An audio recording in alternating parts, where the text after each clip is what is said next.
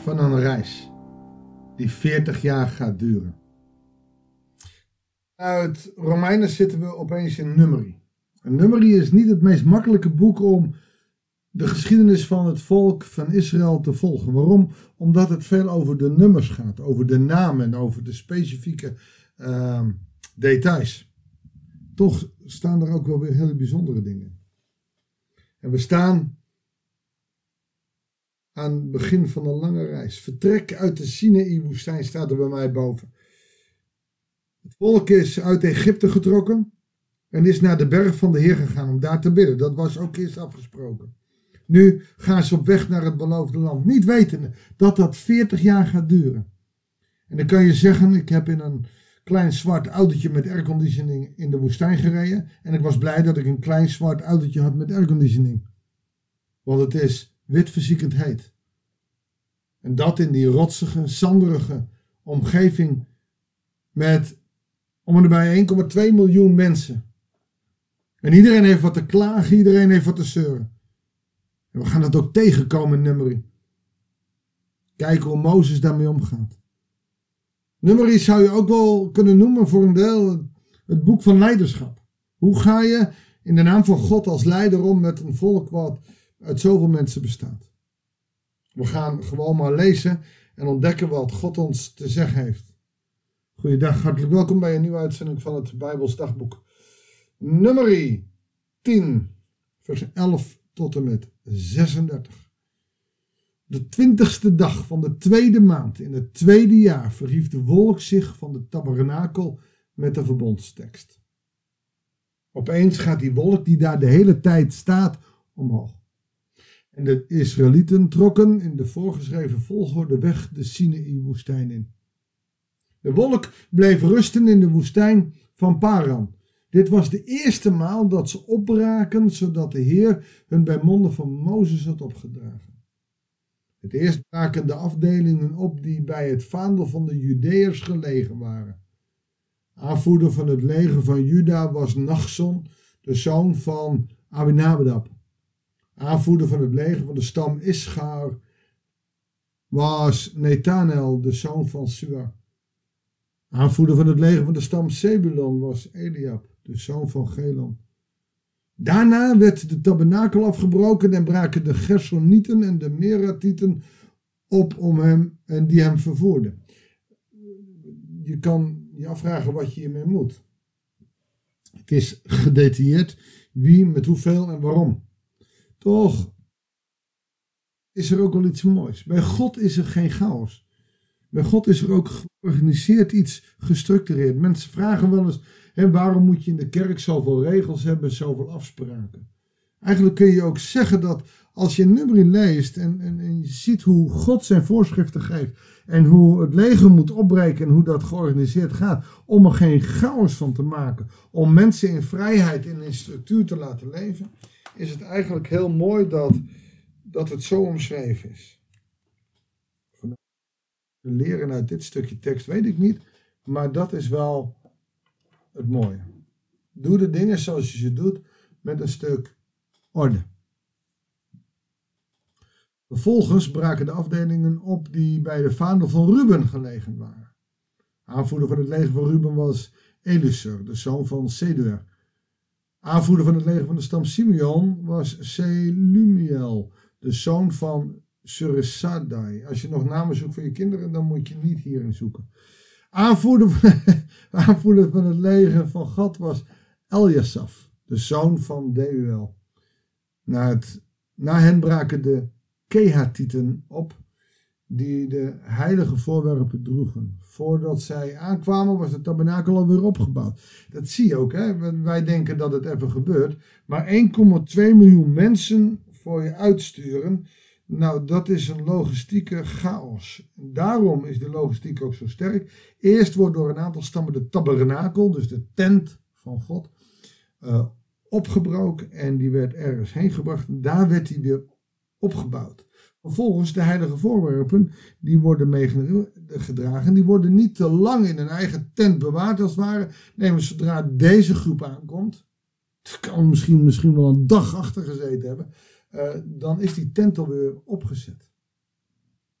Nou, daarna braken de aanvoerders van het leger van Ephraim, van Elisama, de zoon van Amihud, uh, aanvoerder van het leger de stammen Nasse en Gamliel, de zoon van Pedaser, aanvoerder van het leger van de stam Benjamin was Abidan, de zoon van Gidoni.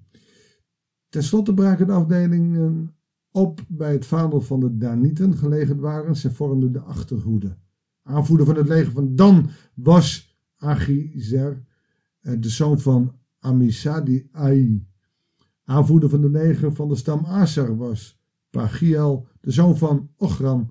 Aanvoerder van het leger van de stam Naphtali was Agira, de zoon van Enan.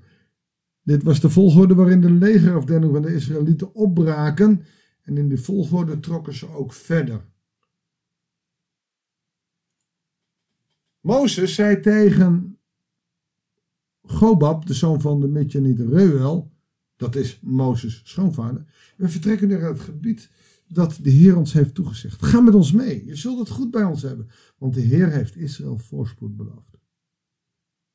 Maar Gobab antwoordde dat hij liever naar zijn geboorteland terugging. Gobab is geen Jood. Kwam uit Nubië. Dat is een gebied een beetje onder. Uh, of is het boven? Nee, boven uh, Egypte aan de zijkant. Het gebied waar hij, Mozes zijn vrouw, de Nubische vrouw, heeft leren kennen. Het is ook zo dat daar ook wel op gespeculeerd wordt dat het helemaal niet goed is dat Mozes de leider wordt van het volk, want hij heeft een niet-Joodse vrouw. Maar mensen moeten goed weten dat God Mozes heeft uitgekozen. Dus dat deze Nubiër, Gobab, zich helemaal niet thuis voelt, dat kunnen we snappen. En dat hij terug naar zijn geboorteland wil, dat kunnen we ook snappen. Maar Mozes, ga alsjeblieft niet bij ons weg. Jij weet immers waar wij in de woestijn het beste onze tenten kunnen opslaan. U kunt onze gids zijn. Als je met ons meegaat, zullen wij je laten delen in de voorspoed die de Heer ons zal geven. Wat hij dus doet, is iemand, en dat, dat is ook goed leiderschap van Mozes. Hij vraagt niet alleen wil je meegaan, maar hij zet hem ook in de kracht. Hij zet hem in de kracht die hij heeft. Niet alleen maar de belofte God zal je zegenen, nee, ik heb je ook nodig. Dan gaan mensen zich ook nuttig voelen. Dus dat is een mooi beeld van leiderschap. Zorg dat mensen nuttig zijn. Als je nu bijvoorbeeld uh, nog veel mensen hebt die nee, gezinnen hebt waarin je kinderen ja, geen toekomst hebben. Uh, wat moeten we na corona? We kunnen niks, we zullen niks. Zorg dat ze perspectief krijgen. Zorg dat je ze betrekt bij een gezinsleven, dat ze een rol hebben, dat ze belangrijk zijn. Dat is ook in je werk, dat is ook op school, dat is ook. Zorg dat je medemens over wie jij misschien wel leiding hebt, zich betrokken voelen. Nadat ze bij de berg van de Heer vandaan gegaan waren, trokken ze drie dagen verder. De ark van het verbond met de Heer ging voor hen uit om op een rustplaats voor hem te zoeken. Wanneer ze verder trokken, hing overdag de wolk van de Heer boven hen. Steeds als de ark verder zou trekken, zei Mozes. Dan komt er als het ware een lied.